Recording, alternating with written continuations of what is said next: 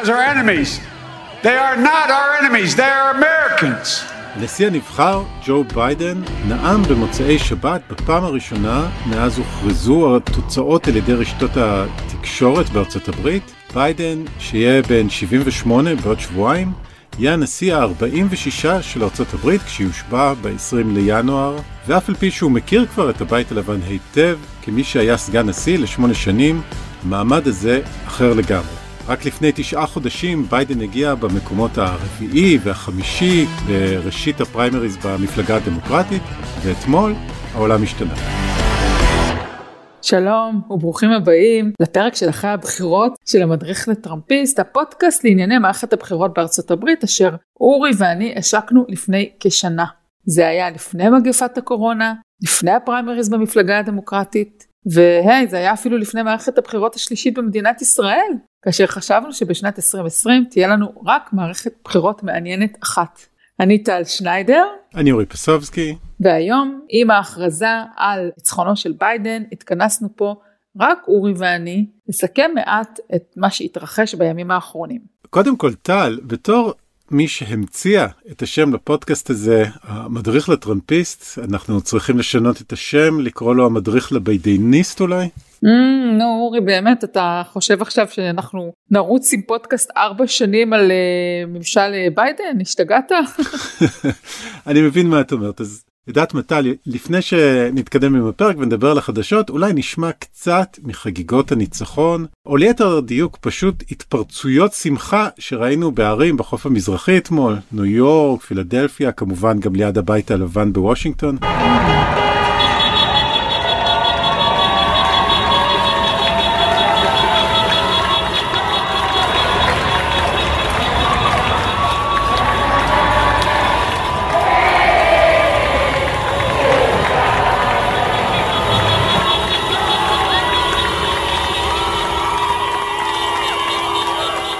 יש אולי איזה נטייה אה, אולי מובנת, אולי מוגזמת של התקשורת להתמקד במצביעים במדינות המתנדנדות, כי את יודעת, אלה המצביעים שמביאים את הניצחון בסופו של דבר.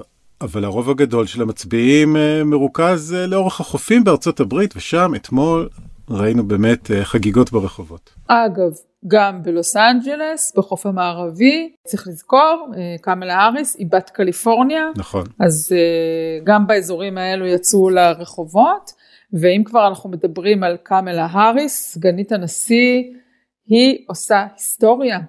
היא תהיה האישה הראשונה אי פעם בתפקיד.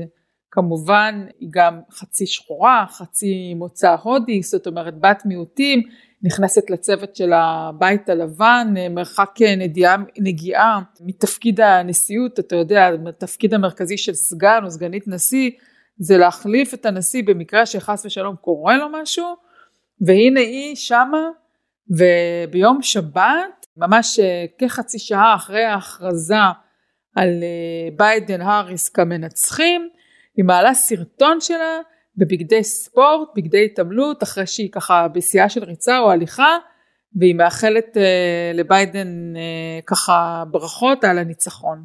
We did it, we did it, Joe. You're gonna be the next president of the United States.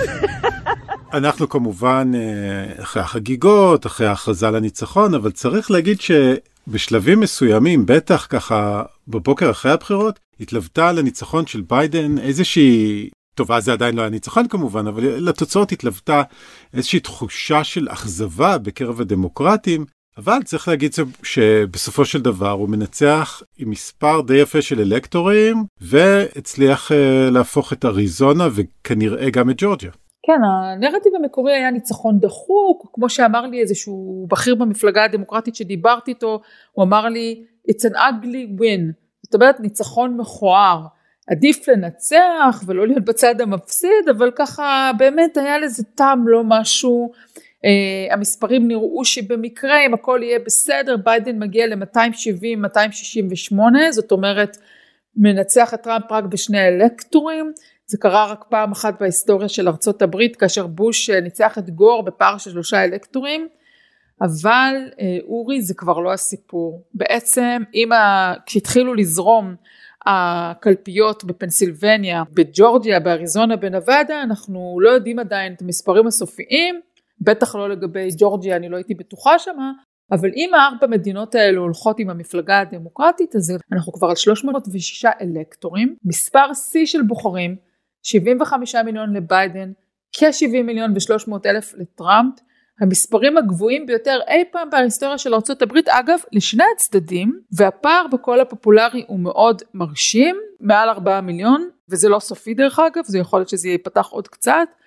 בבית הנבחרים המפלגה הדמוקרטית אה, ירדו בארבעה מושבים, אבל הם עדיין רוב, ובסנאט דיברו ביום אה, רביעי בבוקר, ברביעי שעבר, יום אחרי הבחירות, הבחירות דיברו בסנאט על הפסד, ואני חייבת להגיד לך שזה גם זה לא ברור, ואם יהיה שם 50-50, אז קמאלה האריס תהיה הקול המכריע, ויכול להיות שיהיה שם רוב אה, רפובליקני, אבל באמת רוב רפובליקני דחוק. טוב, החשיבות של הסנאט אני מניח אה, שעוד נדבר עליו בהמשך בפודקאסט הזה אבל כן בסופו של דבר אה, ניצחון. כלומר העיקר לנצח והפעם זה גם ניצחון 306 אלקטורים הרי זה מספר אלקטורים שטראמפ זכה בהם בבחירות הקודמות, בדיוק. והוא חגג את הניצחון ההוא, למרות שאז... קרא לזה landslide. landslide, כשהפעם אה, ביידן זוכה גם בקול הפופולרי. ואת יודעת, האמת שביידן לאורך הקמפיין הזה במיוחד כשהיה את שיא התפרצות הקורונה ניהל קמפיין מאוד שקט את חלקו הוא בכלל לא יצא מהבית טראמפ צחק עליו שהוא במרתף שלו ובסופו של דבר זה הצליח הפילוחים של הקולות עוד לפנינו והתמונה עדיין לא התבהרה עד הסוף כמובן כי אין תוצאות סופיות לגמרי אבל מה אפשר להגיד על הקמפיין של ביידן? אתה ואני דווקא בפודקאסט הזה כן נכנסנו לנושאים עצמם ולא נשארנו רק במעטפת ובצורה במרוץ הסוסים אלא באמת דיברנו גם על התוכן. כן. ואתה יודע אנחנו אמרנו כל הזמן ביידן 90% מהזמן היה בנושאי בריאות, מתוך הבריאות, כמובן זה, הקורונה נתנה לו את זה כמשהו שהוא עוד יותר יכול היה למקד, אבל גם, גם אני חושבת עוד לפני הקורונה אה, הוא היה כולו בנושא הזה של ביטוחי הבריאות, וזה גם היה עיקר הוויכוח בתוך המפלגה הדמוקרטית, אם אתה זוכר בפריימריז בין סנדרס לאליזבת וורן לביידן, מי ירחיב יותר את ביטוח הבריאות? כן. ואני רוצה להגיד לך, אחד הלקחים העיקריים של המפלגה הדמוקרטית מהכישלון הצורב של 2016 היה להתמקד בחזון חלופי ולא רק להטיף בוקר וערב רק לא טראמפ. במיטרמס ב-2018 הם פשוט היה להם סחף מאוד גדול והם ראו שהתחום של הביטוח הבריאות ומה שאנחנו מכנים ה-pre-existing condition זאת אומרת היכולת של כל בן אדם לעבור, להחליף מבטח, להחליף מקום עבודה, להתקדם בחייו, זה נושא מנצח. וטראמפ כשל בבחירות אה, הספציפיות האלו בלדבר על זה. זאת אומרת, הוא, הוא הבטיח לאמריקאים, הוא כל הזמן אמר, אני אתן לכם pre-existing conditions, אבל אני לא אעלה מיסים. זאת אומרת, הוא לא הסביר איך הוא ייתן את זה. והוא לא נתן תשובה מספקת, וזה נורא בלט גם בעימות השני, שהיה העימות היותר מעמיק, זה מאוד בלט שלא התקבלה תשובה לציבור האמריקאי מה יקרה לאובמה קר שלהם. ואתה יודע זה אולי אנשים לא רוצים בישראל לא, רוצ, לא נכנסים לזה זה תחום שהוא אולי אפור קצת ולא מעניין אבל זה התשובה זה האמת אובמה קר זה עניין מנצח ביטוח הבריאות זה נוגע לאנשים ולחיי היומיום שלהם יותר מכל דבר אחר. כן. ואני אני פשוט רוב הזמן ככה מנסה להגיד בוא, בוא נצא רגע מהפרסונות, מה, מהפרסון ונדבר על פוליסי. כי זה גם, גם חשוב, אצל טראמפ הכל היה אצלו ככה, אני הטיפוס החזק, אני אעשה סופרמן, אני מביס את האנשים שלי, אני, אתה יודע מה, אני גם ראיתי את התקשורת הישראלית קצת מסקרת את טראמפ בהערצה, חמישה אירועים ביום, כמה אנרגיות יש לו, וביידן הוא בכלל סנילי ודמנטי וקשיש, מה, מה קשיש? הרי ההבדל ביניהם הוא של, של שלוש אה, של שלוש שנים, הוא שלוש וחצי שנים, זה ההבדל ביניהם בגיל. אז אחד יש לו טמפרמנט כזה ואחר יש לו טמפרמנט אחר, זה אומר שהוא דמנטי? זה, זה הרגיז אותי כל המערכת אה, בחירות, לא, לא הרגיז בצורה שיצאתי מדעתי, אבל כאילו חשבתי שזה מגוחך וראיתי את האנרגיות של טראמפ, זה מאוד יפה שלבן אדם בגיל כזה יש הרבה כוח, אה, אתה יודע, אה, לדבר בבוטות ולהעליב ואולי קצת לקלל, אבל אני חושבת שהציבור בסופו של דבר כן מסתכל גם על מה נאמר מעבר להוא-הא. כן. וזה היה חשוב. תראה, אני חושב שגם ספציפית עכשיו, כש...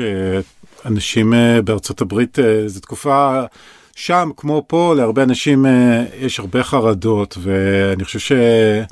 ביידן דיבר מאוד מפורשות על החשש של אנשים שאת יודעת, אנשים או חלו בקורונה או מפחדים לחלות בקורונה, והוא אמר, תחת טראמפ יכול להיות uh, שקורונה בעצמה תחשב לכם pre-existing condition ותאבדו את הביטוח, כלומר, מסר שהפך לעוד יותר חזק, וגם אני חושב, בעיצומו של משבר כלכלי, לדבר על תוכניות uh, סיוע, לדבר על שכר מינימום של 15 דולר, זה מסרים שנהיו הרבה יותר אפקטיביים. מילה של ביקורת על ביידן, שרואים את החגיגות ברחובות זה קצת מפחיד אחרי קמפיין כזה שבו נזהרו כל כך שאנשים לא יתכנסו mm. ופתאום אתה מסתכל בתמונות מארצות הברית וההמונים מרוכזים מול הבית הלבן ובפילדלפיה ובניו יורק ואני מסתכלת על זה ואני אומרת רגע רגע רגע כאילו המחלה היא לא הלכה לישון בזמן שביידן ניצח כאילו תרגיעו שמה ואולי יש איזושהי ציפייה, לפחות אני מסתכלת על זה מהצד ואומרת כאילו ביידן זה בטח כיף לו לראות את ההמונים, אבל אם הוא באמת אחראי הוא צריך לו להגיד לאנשים כאילו תרגיעו. זה נכון, לא רוצים מסיבות הדבקה.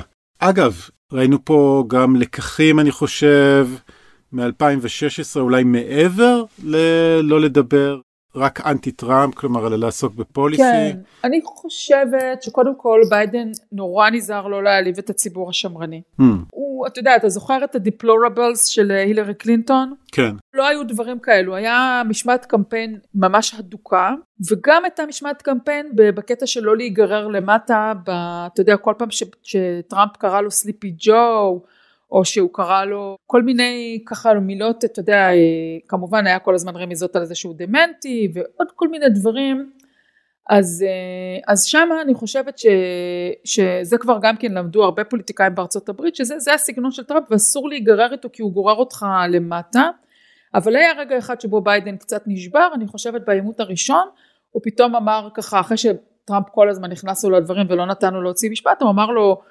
טראמפ הליצן, והיה לו עוד כל מיני ביטויים כן. ככה קצת אה, מוגזמים, ועדיין עדיין הרמה של השפה שלו הייתה, הוא לא, הוא לא ירד למקומות שבהם אה, נמצא נמצא טראמפ ו, וזה לקח. זאת אומרת זה שצד אחד הולך לכיוונים האלו צריך כאילו לראות שהקמפיין לא רץ לשם כדי לא זה כי זה בומרנג בסופו של דבר. כן. תראי זה מאוד חשוב אני חושב העובדה שהוא, שהוא לא ניכר לא זלזל בקהל הבוחרים של טראמפ או ספציפית בקהל הבוחרים מה שנקרא the white working class הגברים אה, שמגדירים את זה גברים ללא השכלה על תיכונית זה קצת מוקדם, כי כאילו הסקרי יציאה והסקרים אה, של הבוחרים הם עדיין מאוד חלקיים וזמניים, אבל אפשר לראות איזשהו צמצום של ההובלה של טראמפ בקרב הבוחרים האלה, ובמדינות כמו פנסילבניה, מישיגן, אה, וויסקונסין, זה היה מאוד חשוב כנראה. כלומר, כן. זה לא שהוא זכה בקולות המעמד העובד הלבן, אבל הוא כן נגס קצת בהצבעה שלהם לטראמפ, ולא לקרוא להם deplorables יכול להיות ש... שעזר לו. כשאנחנו מדברים על להתמודד עם הבן אדם שעומד מולך אז אני חושבת שבחודשים ספטמבר ואוקטובר אני באיזשהו שלב התחלתי להבין שהמטרה ביידן כמעט לא התראיין כן. הוא לא עלה לכלי התקשורת טראמפ דיבר הרבה מאוד בפוקס ניוז והתראיין בלי סוף אנחנו זוכרים גם את 60 minutes ועוד כל מיני כמובן אה, הופעות קמפיין מאוד אה, זה ביידן ככל שהתקדמו הימים כל הזמן היה נראה שהוא אומר שטראמפ ידבר כמה שיותר נניח בעימות ש, שטראמפ בעצם השתלט ופשוט לא נתן לביידן להוציא מילה, בסופו של דבר זה די הועיל, די הועיל לביידן. זאת אומרת, תיתן לו לדבר, כל, כל הופעה שלו הוא עוד, עוד קובר את עצמו ועוד קובר את עצמו. ובאיזשהו מקום הם התחילו להגיד כאילו בקמפיין שלו, אוקיי, אולי לתת לו כמה שיותר להופיע, כמה שיותר להתראיין, זה רק מועיל לנו. כן, אני חושב אבל שאת יודעת, מעבר לזה שעובדתית, כנראה שהקמפיין של ביידן היה אפקטיבי כי הוא ניצח. אבל לטראמפ עצמו כנראה הייתה גם תרומה לזה במובן הזה שנקודת המפנה בקמפיין הייתה כנראה כשהוא נדבק בקורונה. מה שנקרא September surprise. כן. אני מסכימה איתך.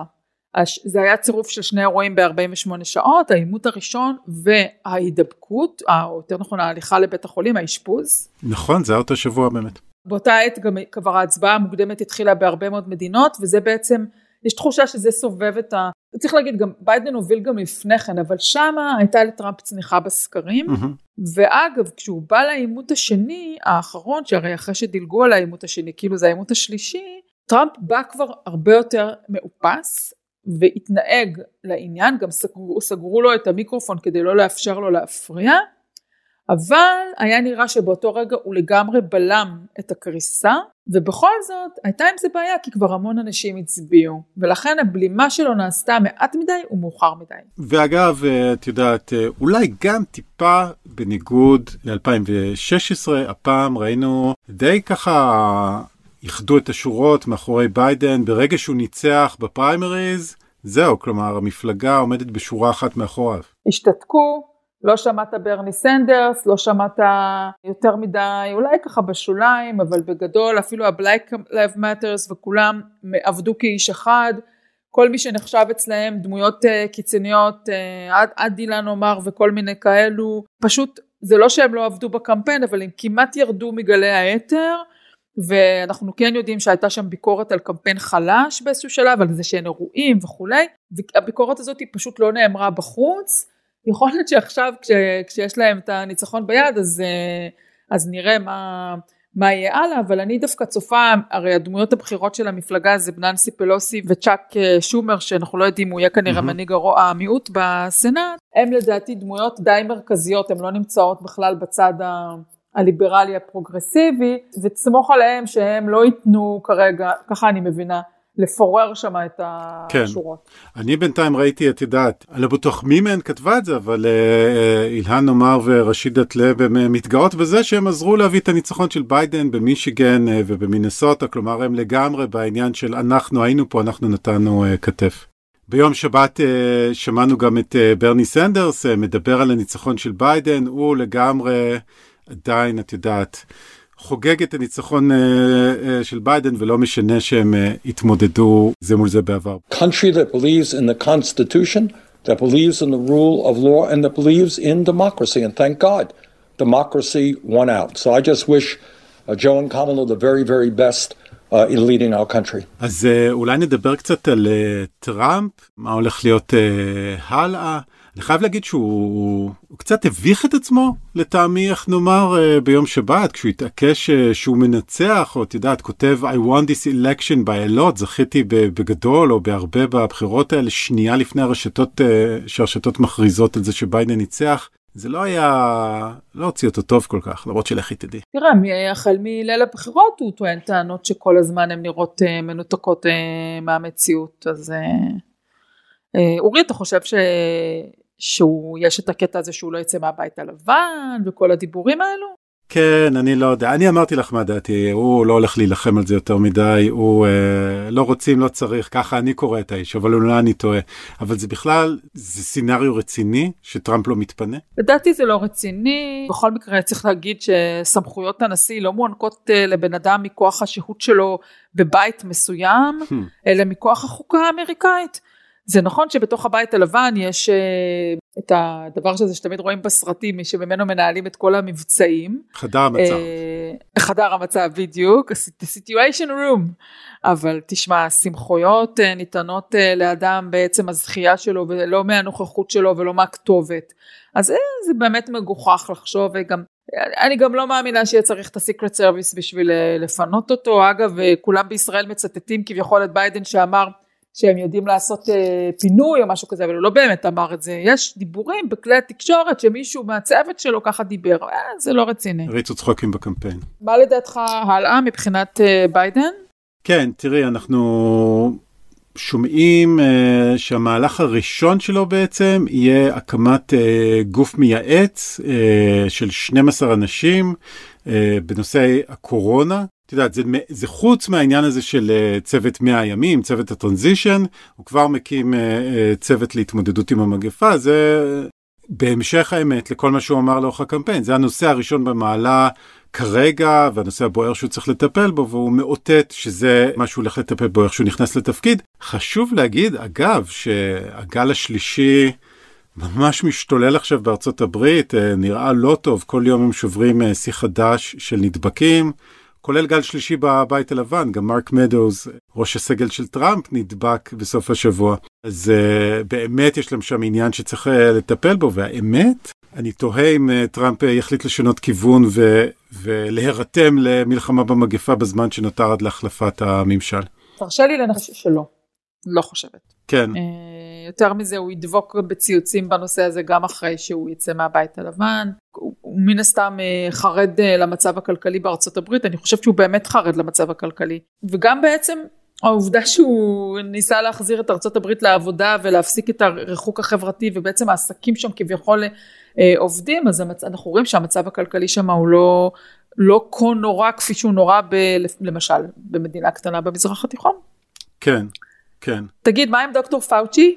רגע טל לא דיברנו על זה כי את יודעת זה כבר היסטוריה עתיקה אבל את היית בעצם בעצרת בפלורידה שבה טראמפ אמר שהוא הולך לפטר את פאוצ'י? כן, אז מה שהיה שם בעצם, זה שפתאום הוא, הוא דיבר, על ה, דיבר על הבמה על הקוביד, קוביד, קוביד, קוביד, מה שיש לו, כן. ופתאום הקהל שעמד סביבי, ממש אה, סביבי, ואני מבטיחה למאזינים שלנו, אני הייתי עם מסכה, אה, לא, לא הסרתי אותה לרגע, אבל אנשים סביבי היו בלי מסכות והם התחילו לצרוח פייר פאוצ'י פייר פאוצ'י בוא בוא בוא נשמע רגע את הקטע הזה.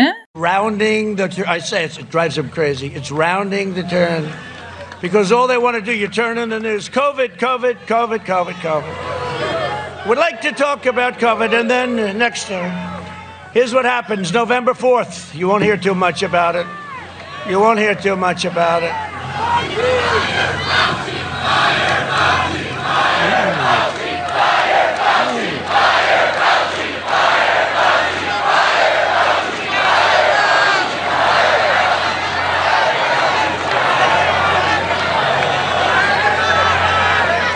Don't tell anybody, but let me wait till a little bit after the election. I appreciate the advice. אז כאמור זה היה הקטע מהעצרת שבה אני הייתי ביום ראשון, יום ראשון בלילה, אה, יממה וקצת לפני, ה, לפני יום הבחירות, ושם טראמפ אה, בעצם מחייך, שותק, ואז הוא אומר ככה, אוקיי, בסדר, אבל אם אני אפטר אותו אז אה, זה נחכה לי יום חמישי, זאת אומרת יומיים אחרי הבחירות. עכשיו האיום הזה רץ, זה, תראה אורי באמת, אני, כשאתה נמצא שם בפיזית זה נראה כמו כזה סרקזם, בדיחה, כאילו לא באמת כן. רציני, אבל הכלי התקשורת הריצו את זה והריצו את זה, כי אתה יודע מה, הרבה מהבדיחות והצחוקים שלו אחר כך הפכו לרציניות במהלך הארבע שנים. כן. אז הריצו את זה, אני ככה, אתה יודע, ראיתי איך מתייחסים לזה באמת ואומרים מה פתאום הוא מאיים על, על הפקיד הבכיר של הקורונה. עכשיו כשטראמפ בעצם אה, הפסיד אז ראיתי ככה איזשהו ציוץ מצחיק שבא ואומר אולי טראמפ הפסיד את הבחירות לדוקטור פאוצ'י וזה אנחנו חושבת אולי תשעה חודשים אתה ואני מדברים על דוקטור פאוצ'י כמה הוא פופולרי עשינו על זה סגמנטים שלמים איך כן. אנשים שולחים לו מכתבים ואיך אוהבים אותו אז uh, תראה האיום הזה אתה מאיים לפטר את הפרויקטור שלך 36 שעות לפני מערכת הבחירות not a good idea. לא מתעסקים עם דוקטור פאוצ'י. אבל את יודעת משהו אני ראיתי לכי תדעי אם זה יקרה ואולי עד שחלק ממאזיננו ישמעו את הפרק זה באמת יקרה אבל אה, יש דיווחים על זה שטראמפ הוא רוצה להמחיש שהוא עדיין ה president שהוא רוצה לראות נשיאותי ואיך טראמפ נראה נשיאותי הוא מפטר אנשים יש שמועות על זה שהוא רוצה לפטר את אספר שר ההגנה את הספל. אה, מנהל את ה-CIA וגם את ריי מנהל ה-FBI, כלומר הוא רוצה עכשיו uh, לעשות uh, פיטורים בצמרת הביטחונית בארצות הברית כדי להוכיח שהוא עדיין הנשיא. לא יודע אם זה יקרה. מה עם שר המשפטים? הוא לא כועס על שר המשפטים, וויליאם בר, וואי, בגלל שכל הוא... הבתי משפט עכשיו פוסקים נגדו, אז זה לא מרגיז אותו? הוא חם עליו גם ש... כבר שבועות, כן. בקיצור, יש, יש עוד סיכוי שנראה איזה גל פיטורים ככה, עוד קצת you're fired. אם אנחנו כבר מדברים על זה, אני תוהה מה בעצם היה אחד הדברים שאולי המאיסו אותו על העם האמריקאי. האם זה המגפה, באמת החוסר ניהול של המגפה, או הסיפור הזה של מנהיג שכל הזמן מפטר אנשים, mm-hmm. מדבר בבוטות על אנשי צבא מתים, על אנשי צבא הרוגים, אה, השקרים, מה, מה לדעתך נמצא בצמרת, במצעד? האמת שזו שאלה טובה. אני חושב אישית שבסופו של דבר אה, הוא היה מנהל לא כל כך מוצלח. כלומר, הוא השיג כל מיני דברים, והוא סיפק את הסחורה בהרבה, ואת יודעת, דיברנו על זה, על כל השופטים שהוא מינה, והמיסים שהוא הוריד, והוא קידם את האג'נדה הרפובליקאית יפה מאוד, אבל הוא פשוט בקורונה נכשל כישלון חרוץ, זה בעיניי הדבר. כי את יודעת, אני אפילו לא בטוח, כמו שאמרת uh, קודם, הוא הביא יותר קולות, אני חושב שהוא הביא יותר קולות בבחירות האלה משהוא הביא בבחירות שעברו. אז האם הוא המאיס את עצמו? אמ, לדעתי כן. באריזונה הוא המאיס את עצמו בצורה מוחלטת על פני, בפניהם של אנשי צבא שהריצו את ג'ון מקיין. כן, זה נכון. משפחת מקיין. וזה 11 אלקטורים, הוא אה, שם הנושא הזה של היחס לנופלים, היחס ל-CIA, ל-FBI, זה, זה גמר אותו. אמ, במקומות אחרים שיחקו דברים אחרים. אה, אני לא יודעת להגיד כל מקום במקום, אבל באריזונה זה די אה, מובהק.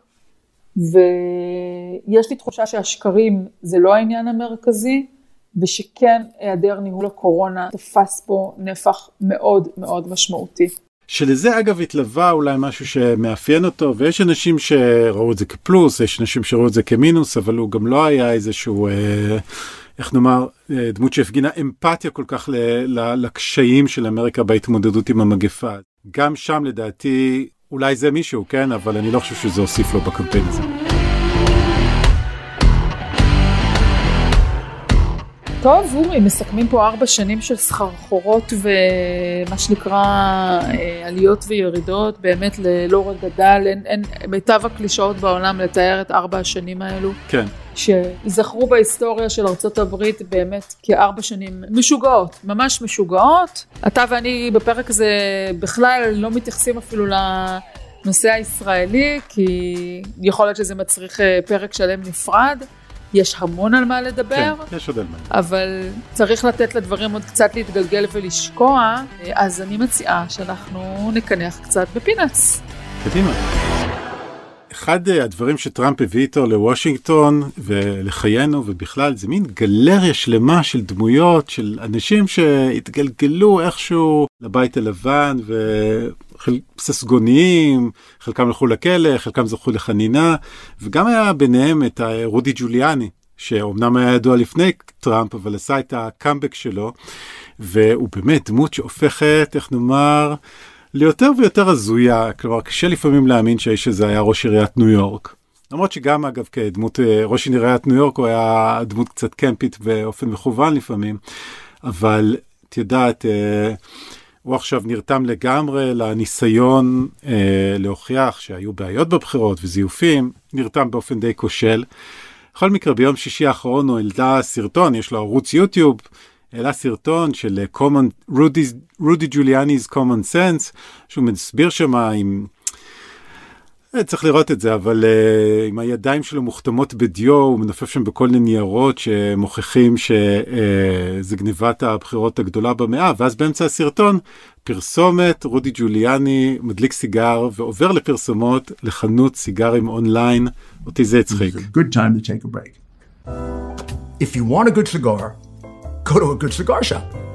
You want the best, go to Famous Smoke Shop. Let Famous Smoke deliver your favorite cigars right to your doorstep at America's lowest prices. Famous opened in 1939 as a small shop in New York City. Today, it's the largest privately held American owned cigar business in the country. אמ, אני בפינאץ אלך ככה למקום, לנישה הרגילה והמוכרת של הסלבריטאים, השחקנים, הכוכבים, הוליווד שמעריצה תמיד את המועמדים הדמוקרטיים וכמובן אה, פתחו שמפניות והתאחדו אה, בחגיגות הניצחון, אה, לברון ג'יימס מעלה תמונה של עצמו עם סיגר, ג'ו באז רוקדת בסופר. וג'ון לג'נד, בוא נשמע קטע מאוד יפה אותו ג'ון לג'נד שהשתתף כמובן גם בוועידה הדמוקרטית, שר את השיר ההולם ביותר ובואו תשמעו. ג'ורג'ה, oh Georgia, the whole day through, just an old sweet song keeps Georgia on my mind. Hey, hey, hey, yeah. יפה, אורי, אנחנו מסיימים את הפרק הזה של המדריך לטראמפיסט, המדריך לביידניסט, אחרי שנה ארוכה של אה, מעקב אחרי מערכת הבחירות, נסיעות אה, לארצות הברית, חזרה לארץ, ואתם אה, כמובן מוזמנים עדיין להצטרף לקבוצה שלנו בפייסבוק, המדריך לטראמפיסט, אנחנו עדיין מעלים שם חומרים, אנחנו בטח נעשה עוד כמה פרקים. תודה לעורך הפודקאסטים רון טוביה, אני טל שניידר. אני אורי פסובסקי. להתראות. ביי.